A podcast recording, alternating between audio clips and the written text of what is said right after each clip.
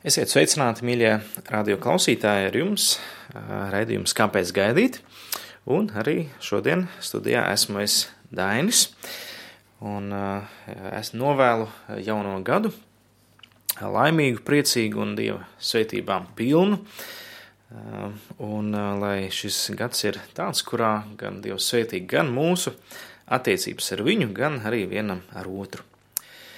Šodien es vēlētos runāt par tēmu, kas savā ziņā ir nu, ļoti nu, redzama, izteiksmīga, visiem mums aktuāla. Proti par kādu īpašu instrumentu, kas mums ir dots, ar kuru mēs varam celt, atjaunot, varētu teikt, atbrīvot un dziedināt, bet tajā laikā arī sagraut uh, atstumt un, varētu teikt, pat eh, savainot un pat nonāvēt. Proti runa par mūsu muti, par mūsu mēli, kā mēs to lietojam. Ehm, un tieši tāpēc arī ehm, šodien vēlos runāt par šo tēmu, jo nereti gan attiecībās, gan starp eh, pāriem, gan starp vecākiem bērniem, gan draudzē, gan visur tieši tas, ko mēs izsakām, vai kā mēs to izsakām, nu, rada vai nu brīnišķīgu svētību, vai nes, varētu teikt, briesmīgu nesvētību, jeb lāstu. Un tāpēc arī šodien vēlētos jums saprast, kas tad, kā tad mēs varam nest svētību caur savu muti, vai kā mēs varam nest nesvētību, kā mēs varam atpazīt, vai mūsu mute ir instruments dievam, vai mūsu muti ir instruments vēlnam. Mēs varam lasīt 3. bauslī, 2. mūzika 27. Tev nebūs tā kunga savu dievu vārdu nelietīgi valkāt, jo tas kungs neatstās nesodītu, kas viņa vārdu nelietīgi valkā. Respektīvi, Dievs ir radījis pasauli caur savu vārdu, un katram izteiktiem vārdam ir spēks un ietekme, un tas atstāja uz mums kādu iespaidu. Un Dievs ir tāpēc, ka radīs mūsu pēc savu tēlu un līdzības, arī mūsu vārdiem nāk līdzi spēks, jeb ietekme, un tāpēc mums ir atbildība par to, kā mēs runājam, ko mēs uh, sakām un kā mēs to sakām. Līdz ar to mūsu vārdi uh, ir, varētu teikt, kā tāds līdzeklis, ko Dievs var lietot. Uh, Uh, ir teikts, ka, ja kāds runā, lai runā kā dieva uh, vārdus, ja vārdus, ko dievs vēlētos šim cilvēkam teikt. Taču bieži vien mēs apstājamies pie saviem dvēseles spriedumiem, sav, pie savas pieredzes un, un ļoti nabadzīgā veidā bieži vien novērtējam uh, citu cilvēku, viņu pieredzi, viņa rīcību. Mēs esam, varētu teikt, ļoti, ļoti sekli, ja mums ir kāds šablons, eh, kas balstās manā paša pieredzē, un uz tā bāzes cenšos izvērtēt citu.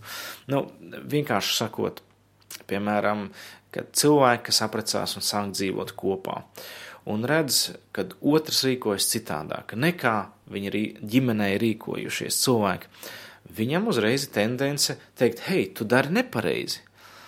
Eh, jautājums, vai tiešām viņš dara nepareizi, vai vienkārši viņš dara citādāk.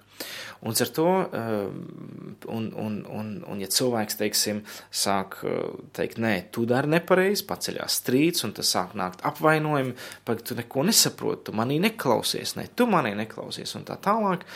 Un, eh, un mūsu pieredze, varētu teikt, kļūst par iemeslu, lai mēs sāktu strīdēties, sāktu otru apsūdzēt, tiesāt un beig beigās vēl nolamāt un, un vēl nezinu ko.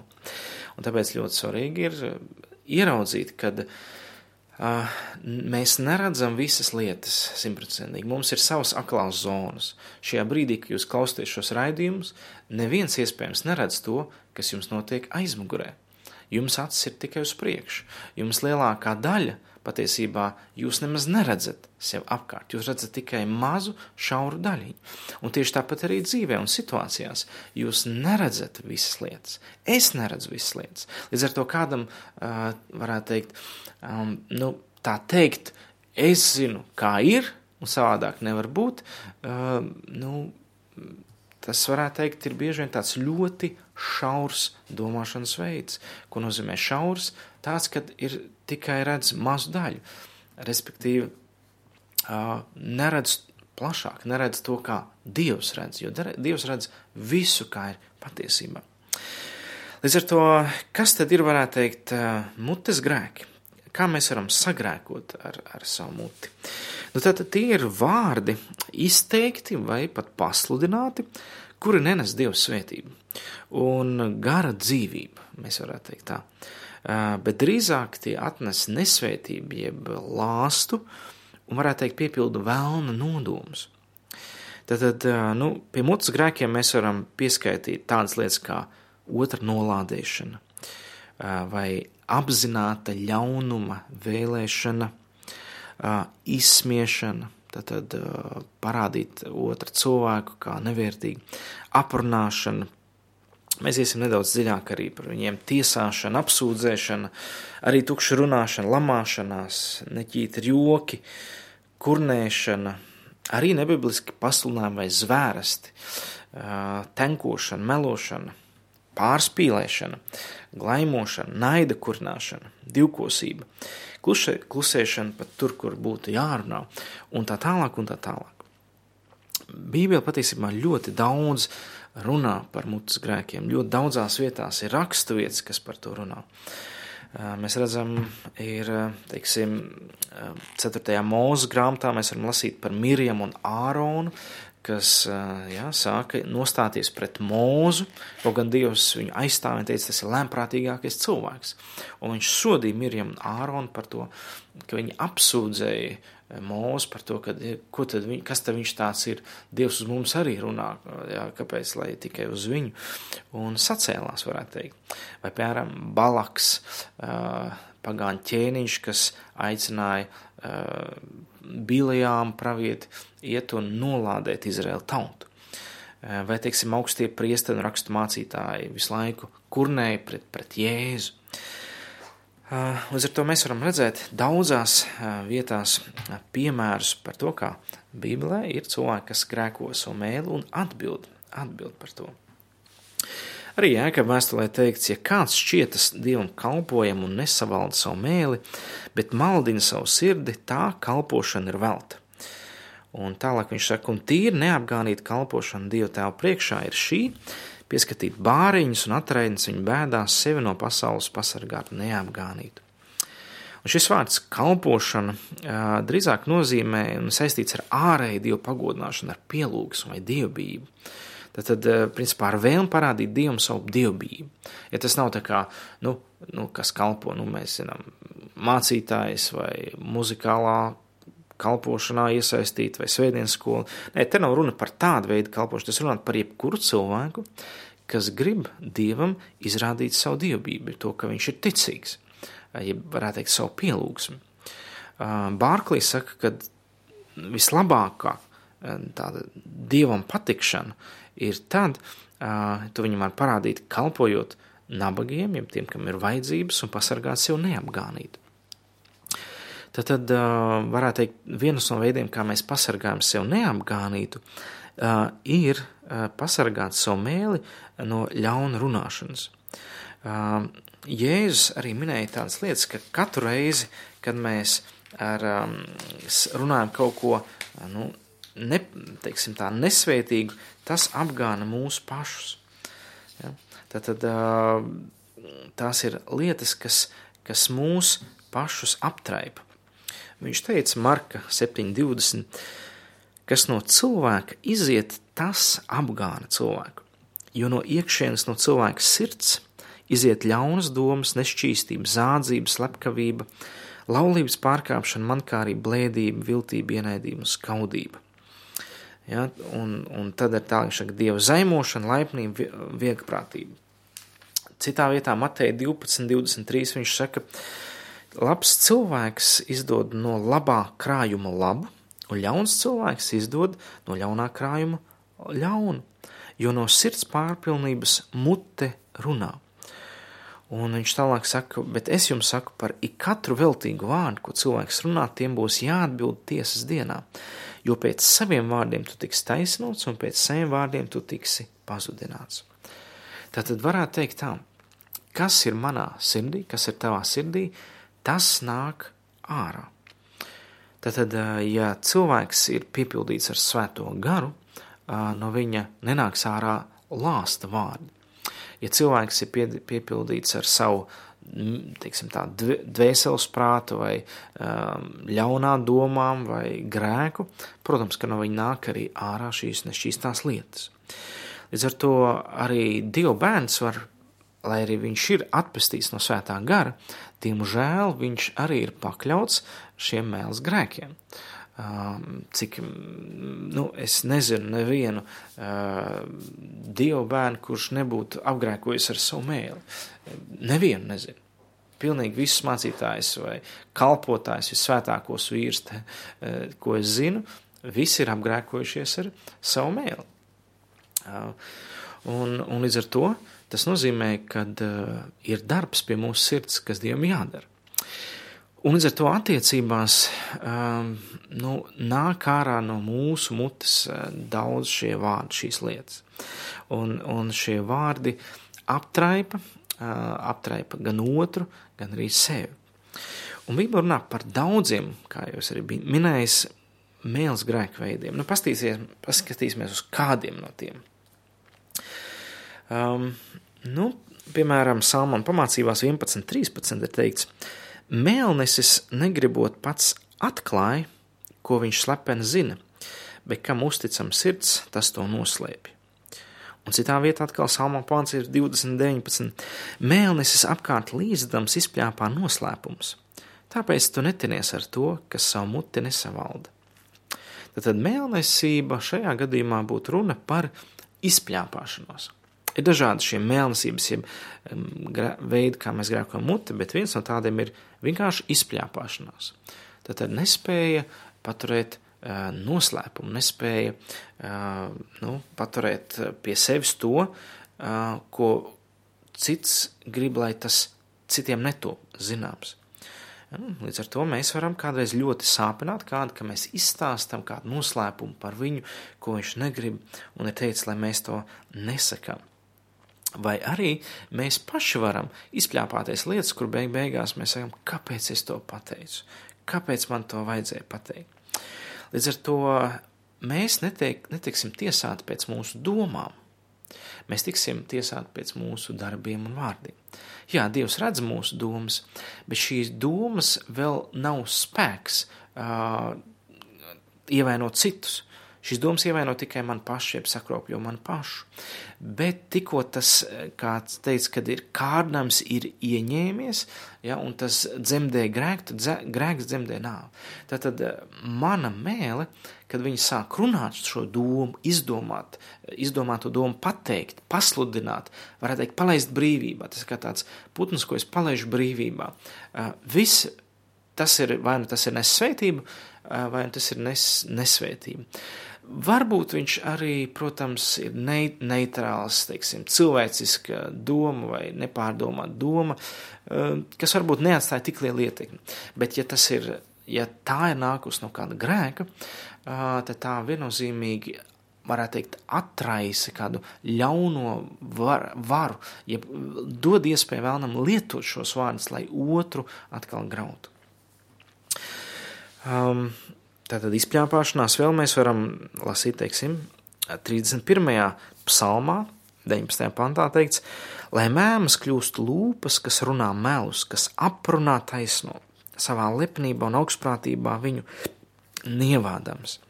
Nu, mēs varētu teikt, ka te ir runa par nicināšanu, izsmiešanu, zaimošanu, aprunāšanu. Ja? Tad, tad uh, otru noricināt otru rīcību, varētu pateikt, padarīt nevērtīgu, pateikt, es esmu vērtīgāks.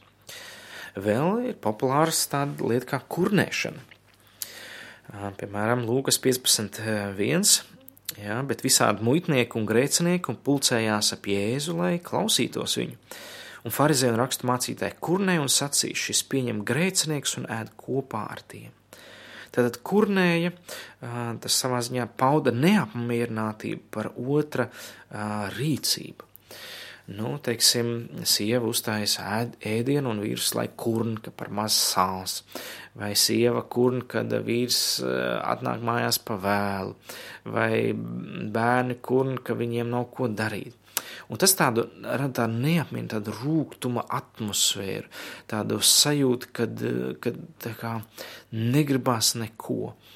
Jo iedrošinājums atver un iedrošina kaut ko darīt, tad rūkums at, atnes tādu ties, notiesājušu sajūtu, tādu sajūtu, kad, kad nu, atnest nemieru. Jo šis vārds saka, teiksim, izpaust neapmierinātību, kad man nav miera un es gribu, es esmu pret to, kas notiek, es, es gribu karot, varētu teikt.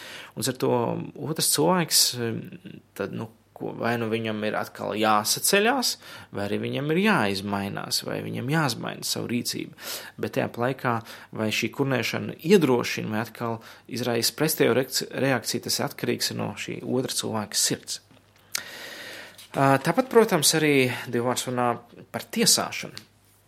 Um, neaparunājiet brāļi citu citu, saka Jēkab 4.11, kas savu brāli aprunā vai brāli tiesā, uh, aprunā likumu un tiesā likumu.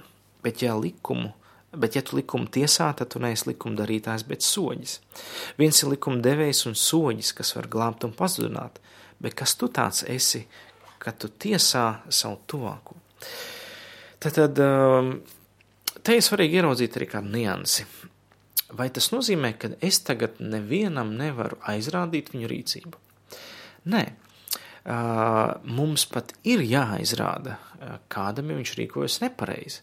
Bībelē saka, pamāciet citu citu. Tad par ko ir runa? Ko nozīmē tiesāt? Principā tiesāt nozīmē pasludināt, jeb kaut ko pateikt par viņu identitāti. Mēs varētu teikt tā, pat nosaukt viņu vārdā, kādā Dievs viņu nav nosaucis. Teiksim, Bībele saka, ja kāds savu brāli sauc par muļķi vai par ģeķi, Tad, tad te ir runa, kad pasludina viņam identitāti, pasludina, kāds viņš ir. Kaut gan Dieva vārds nesaka, ka viņš tāds ir. Tad mums Dievs atļauj, varētu teikt, savā ziņā runāt par cilvēku rīcību. Bet viņš mums nav devis varu un autoritāti nosaukt uh, cilvēka identitāti, to, kas viņš ir. Teiksim, lietot tādus vārdus kā muļķis, uh, idiots, uh, stulbenis, cūka, kretīns un tā tālāk. Tie visi ir tiesāšana. Tie ir vārdi, kas piešķir cilvēkam to identitāti, ko Dievs nav te, devis. Dievs ir, principā, cilvēku redz vai nu kā grēcinieku, vai nu kā dievbērnu. Un dievbērnam ir ļoti daudz, daudz brīnišķīgas identitātes. Pasaules sāls, gaisma, tā tālāk. Līdz ar to, kad mēs kādam dievbērnam viņš rīkos nepareizi, mēs sakam, dārgais, mīļais dievbērns, tu šajā brīdī, tava rīcība neatbilst svētajiem rakstiem, vai tu rīkojies nesaskaņā ar dievu gribu, vai tu rīkojies grēcīgi, jo, un dot kādu pamatojumu. Bet mēs nevaram teikt, tu grēcinieks tāds. Mēs viņu notiesājam, mēs pasludinām spriedumu Mums nav dota tāda vara. Mums nav dota varas tiesāt, jeb uh, dot spriedumu par citu cilvēku.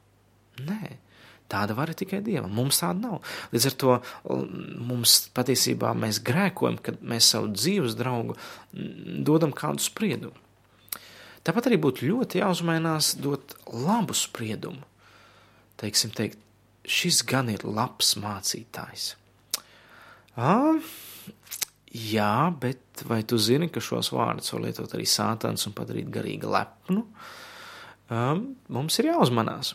Tas, ko mēs varam teikt, jā, šim mācītājam gan labi izdodas darīt šo un šo lietu, vai mēs varam viņu paslēgt par viņu rīcību, bet mums ir jāuzmanās dot šo paslēmu. Kāpēc? Um, redz, Jēzus arī teica, viņam, viņam teica, labais mācītājs. Uh, un viņš teica, neviens nav labs kā tikai Dievs. Tad, tad uh, pat Jēzus ne, nepieņēma šāda veida, nu, varētu teikt, pasludinājumu. Uh, kaut gan viņš viennozīmīgi to varēja pieņemt, bet viņš nepieņēma. Tad, tad viņš norādīja uz, uz to, ka tikai Dievs ir labs, ka viņam var dot visu šīs lietas. Mēs pārējie uh, tikai esam atspūgs tām īpašībām, kas ir Dievam. Līdz ar to, un, ar, bet paši par sevi mēs neesam šie labie, šie pilnīgie.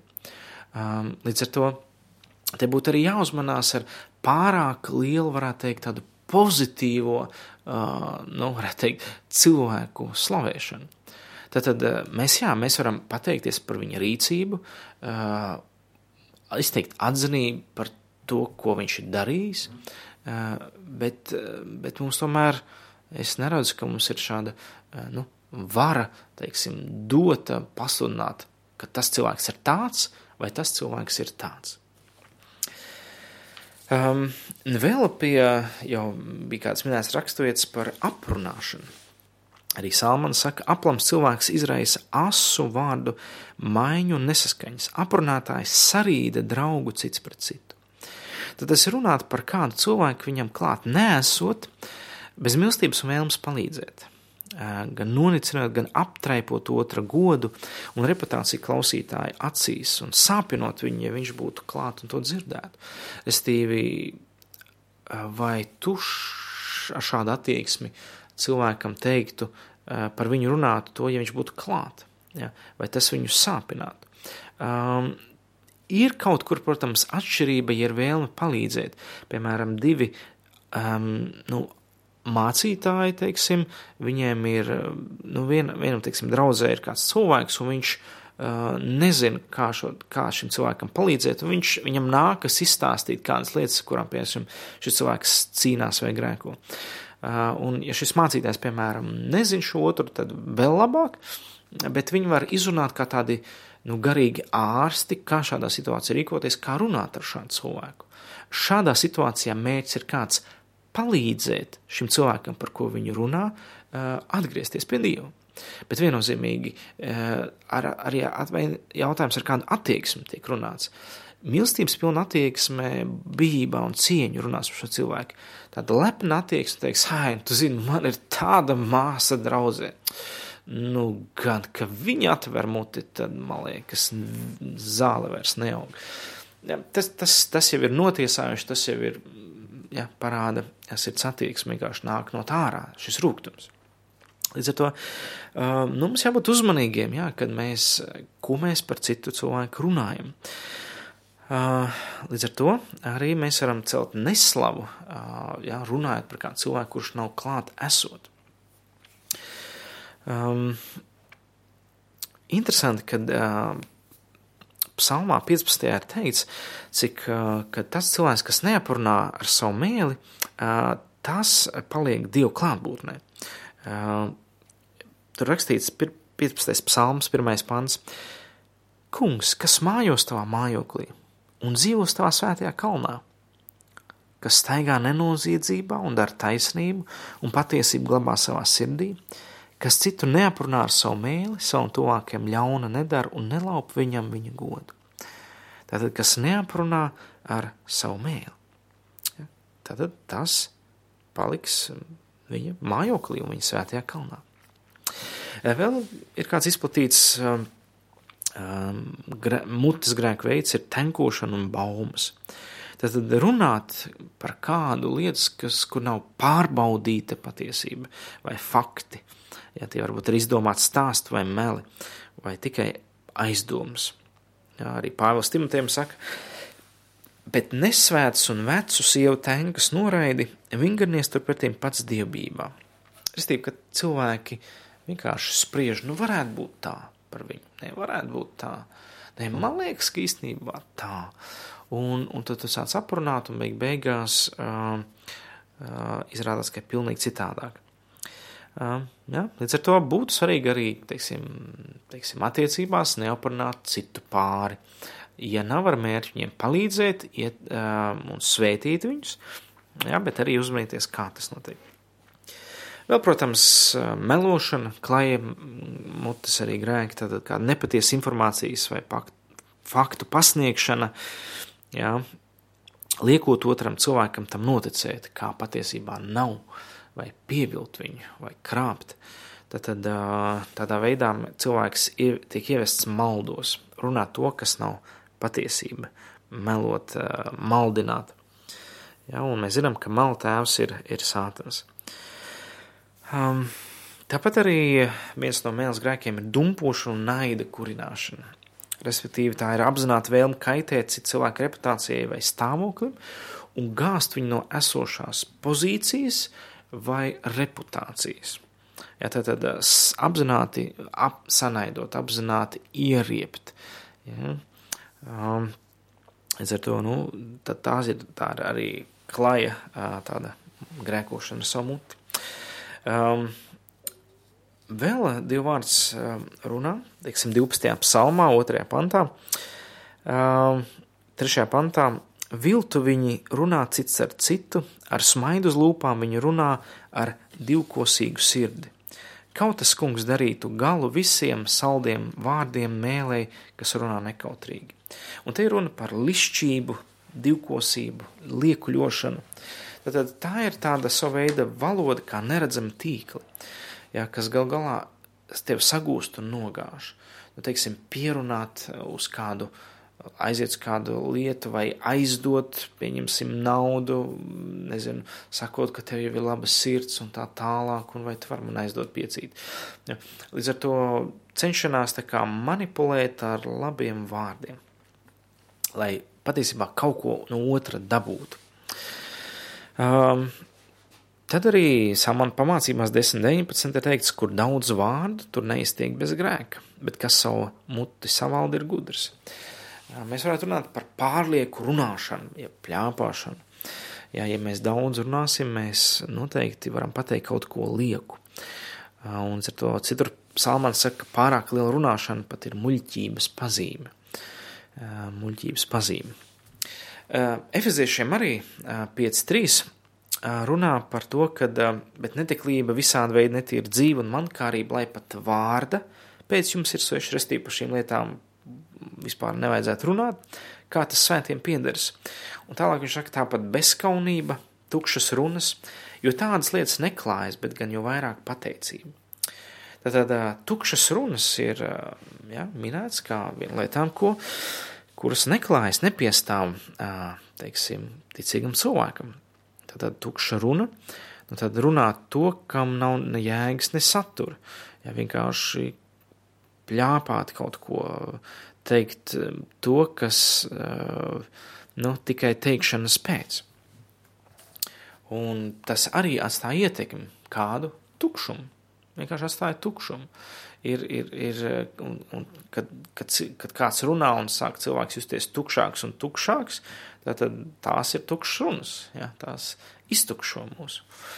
Līdz ar to katram šim, nu, varētu teikt, mutes grēku veidam nāk līdzi sava tāda uh, nu, nesvētību. Un, un ar to mums jāuzmanās no nekrietnas valodas, no nesvētas valodas, jo tas patiesībā parāda to, kas ir mūsos, mūsos iekšā.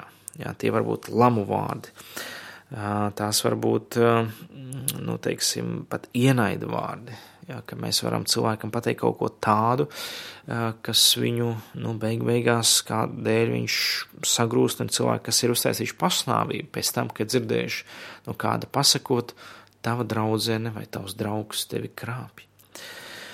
Um, tā var būt arī, protams, nu, tāda pasmiešanās, bet tā var būt arī piemēram, kādi neķītri joki vai anekdotes, um, kas izsmēja dievu un varbūt dievu vārdu. Uh, tā varbūt arī mēs varam grēkot ar muti arī klusējot.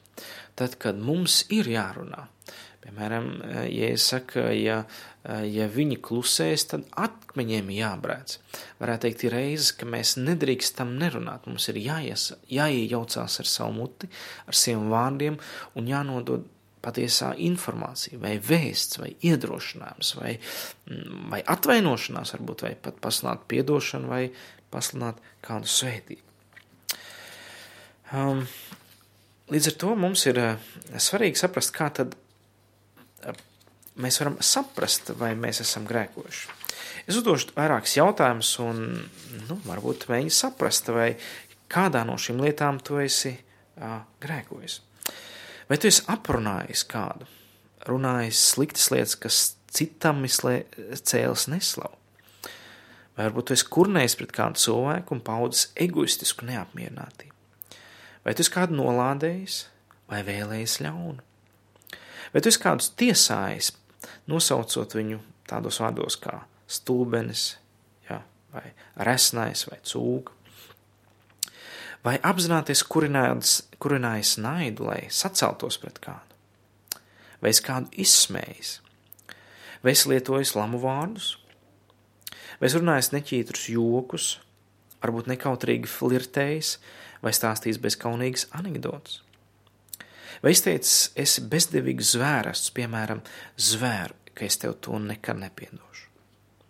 Varbūt es izteicis nepareizs pasludinājums, piemēram, es nekad vairs neusticēšos cilvēkiem, vai es vairs nevienu nemīlēšu, vai es nesmu nekam derīgs, vai arī es ienīstu sevi. Tas var būt intelekts, vai izskatu, vai raksturu.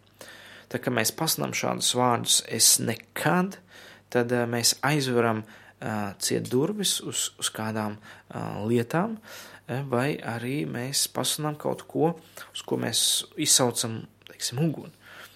Ja? Piemēram, es nekad neesmu derīgs. Un, un tad uh, mēs ieraugam, ka tiešām sāk mūsu dzīvē kaut kas neiet.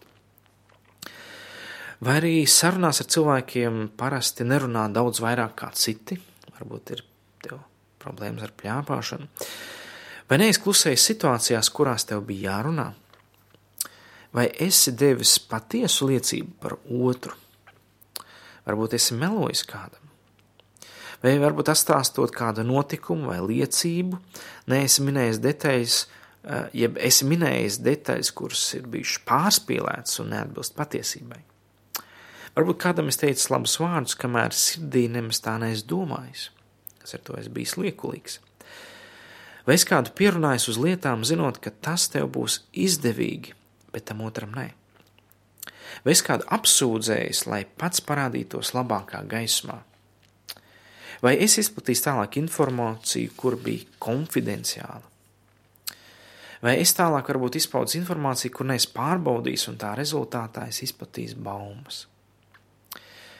Šie ir daži no jautājumiem, kas varbūt palīdz tev ieraudzīt, kur tu esi pats ar savu muti izraisījis, varētu teikt, ugunsgrēku.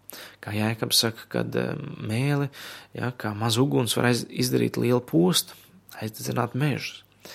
Tāpat arī strīdos, sarunās, konfliktos mums ir ļoti jāuzmanās, ko mēs sakam un kā mēs to sakam. Ko darīt, ja mēs esam apgrēkojušies ar savu mēli? Dievvvārds saka, atzīstaties savos grēkos, tā viņš ir uzticams un taisns, ka mums piedod grēks un šķīstī no visas netaisnības. Tad mums ir pirmkārt svarīgi lūgt Dievam piedošanu atteikties no aprunāšanas, pateikt, kas, ko darījām nepareizi, ko teicām nepareizi. Un, ja vajadzīgs, arī jāpiedod tam otram, kā ja, ja viņš grēkoja pret mums, un mēs tā rezultātā viņu, pret viņu grēkojām ar savu muti, mums jāpiedod arī šim cilvēkam.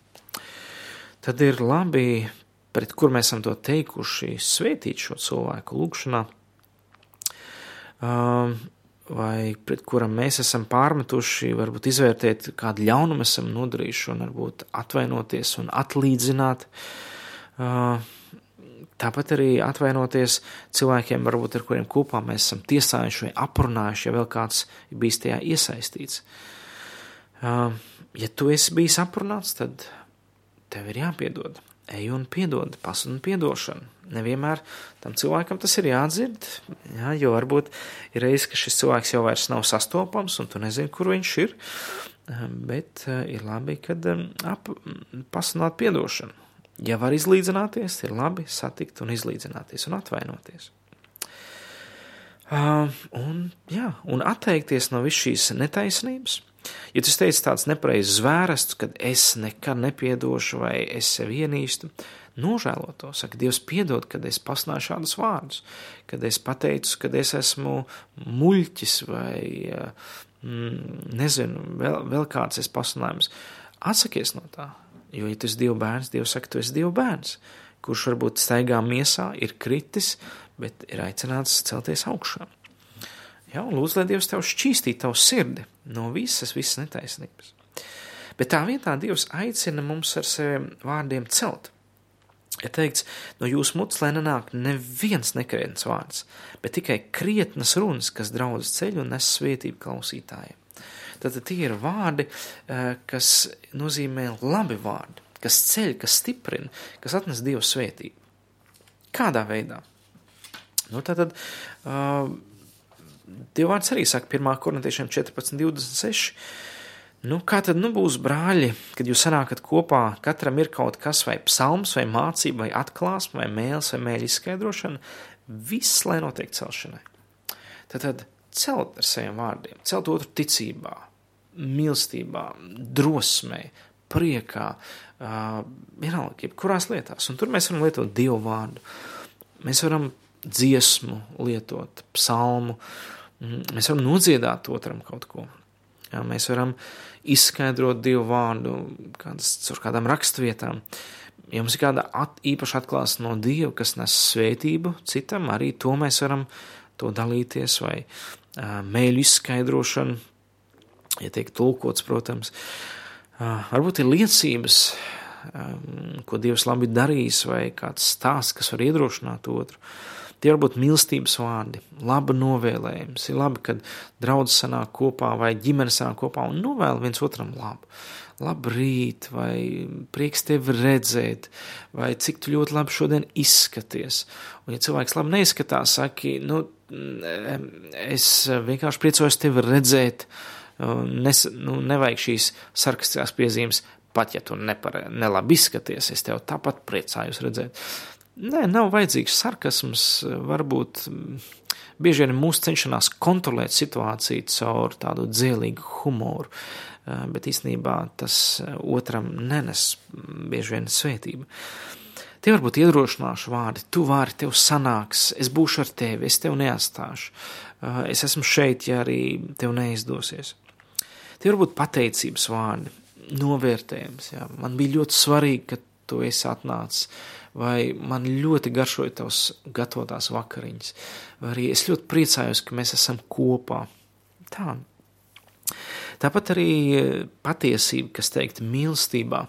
Um, patiesība mums jāsaka, tas nozīmē, ka mums jāliekļo. Ne? Mēs runājam patiesību, bet mums viņa jāiepako mīlestībā. Teiksim, cilvēks dara pilnīgi nepareizi vai viņš uzvedās nepareizi.